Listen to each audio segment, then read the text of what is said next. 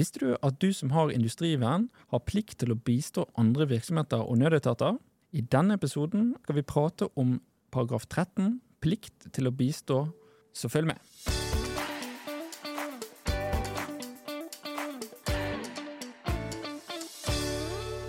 For å snakke om eh, bistandsplikten i forskriften vår, så har jeg igjen fått med meg eh, vår direktør, Knut Oskar Gilje. Velkommen. Tusen hjertelig takk.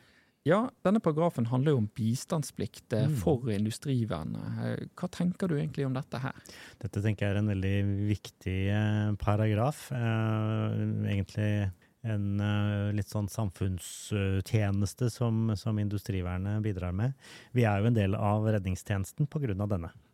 Uh, og, og, bare for å ta litt sånn kjapt igjennom hva det dreier seg om. altså Ved anmodning, som det står i, i forskriften her, så plikter altså en industrivernpliktig virksomhet å bistå annen virksomhet uh, og eller nød- og beredskapsetater. Det står også at man skal ta hensyn til egen beredskap. Eh, selv når man da skal yte denne bistanden. Så du skal ikke tømme lokalene for industrivernfolk, men du skal ta hensyn til eh, det du eventuelt har behov for sjøl, før du da eh, eventuelt da bistår utafor porten, som vi pleier å si.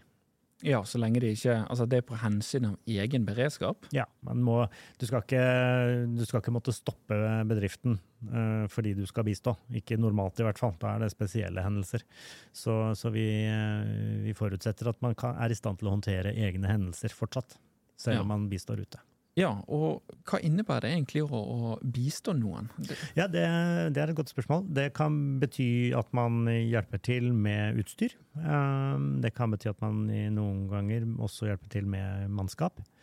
Uh, typiske eksempler uh, vil jo være de hendelsene som berører uh, lokalsamfunnet i form av skogbranner. Mm. Der er det jo mange som har en del slangemateriell og kanskje noen pumper, og er i stand til å, å bistå der ofte da sammen med Sivilforsvaret. Ja, for der har vi sett eh, da det var en eh, stor skogbrann eh, i Øygarden for noen år tilbake. Mm. Der bisto jo Industrivernet. Absolutt nødetatene i den skogbrannen der. Flere industrivern var jo kobla på med, med, både mannskap og utstyr i, i den hendelsen, ja. Eh, og så er det det motsatte. Når det er for, uh, for mye vann, uh, når det er flom og sånt, så er det jo tilsvarende at man også kan ha behov for pumpekapasitet og rett og slett folk som kan være med å, å organisere et skadested eller et, et, område hvor det har skjedd noe. Så det, det er typisk veldig stor variasjon basert på hva som er lokale hendelser. Og hvor mye mm, egne Eh, ressurser nød- og beredskapsetatene f.eks. har. Men, men, det er som sagt, eh, dette er det som gjør at vi er en del av den norske redningstjenesten. At vi da stiller oss disponible ved større behov. Ja, for nå har vi jo kommet med noen eksempler der eh, det er mm, aktuelt for Industrivernet å bistå. Men så er jo det sånn at det å stoppe en produksjon, eller altså Nå skal jo ikke stoppe produksjonen helt, da, men, men at man sender folk ut. Mm. Eh, det er jo en kostnad ved det. Eh, hvem tar regningen? Mm. Nei, det, det står eh, i, i, vår paragraf her at virksomhet som yter bistand, kan kreve refusjon av påførte utgifter fra den som mottar bistand. Så om det er en annen virksomhet som mottar bistand, så er det de som kan Man kan sende regninga til dem. Eller så er det nød- og beredskapsetatene som har bedt om assistanse, som skal ta regninga. Ja. Så vet vi at det er jo ikke alltid man faktisk sender den regninga, da. Men, men, det er en mulighet til det. Ja. Så er det Jeg kan ta med litt om også at det gjøres en del avtaler rundt omkring. sånn at Man har forhåndsbestemt hva slags type bistand man kan uh, regne med og, og skulle stille opp på. Uh, og det syns vi er en veldig fornuftig avtale, uh, eller et veldig fornuftig grep. Står ikke så mye om det i vår forskrift, men, uh, men, vi vet at de beste gjør gjerne det. At man har en forhåndsavklaring på hva slags type hjelp man kan få fra industriverne. Mm. Ja, det er vel kanskje litt større sånn sett, da, hvis ting skjer der. Ja.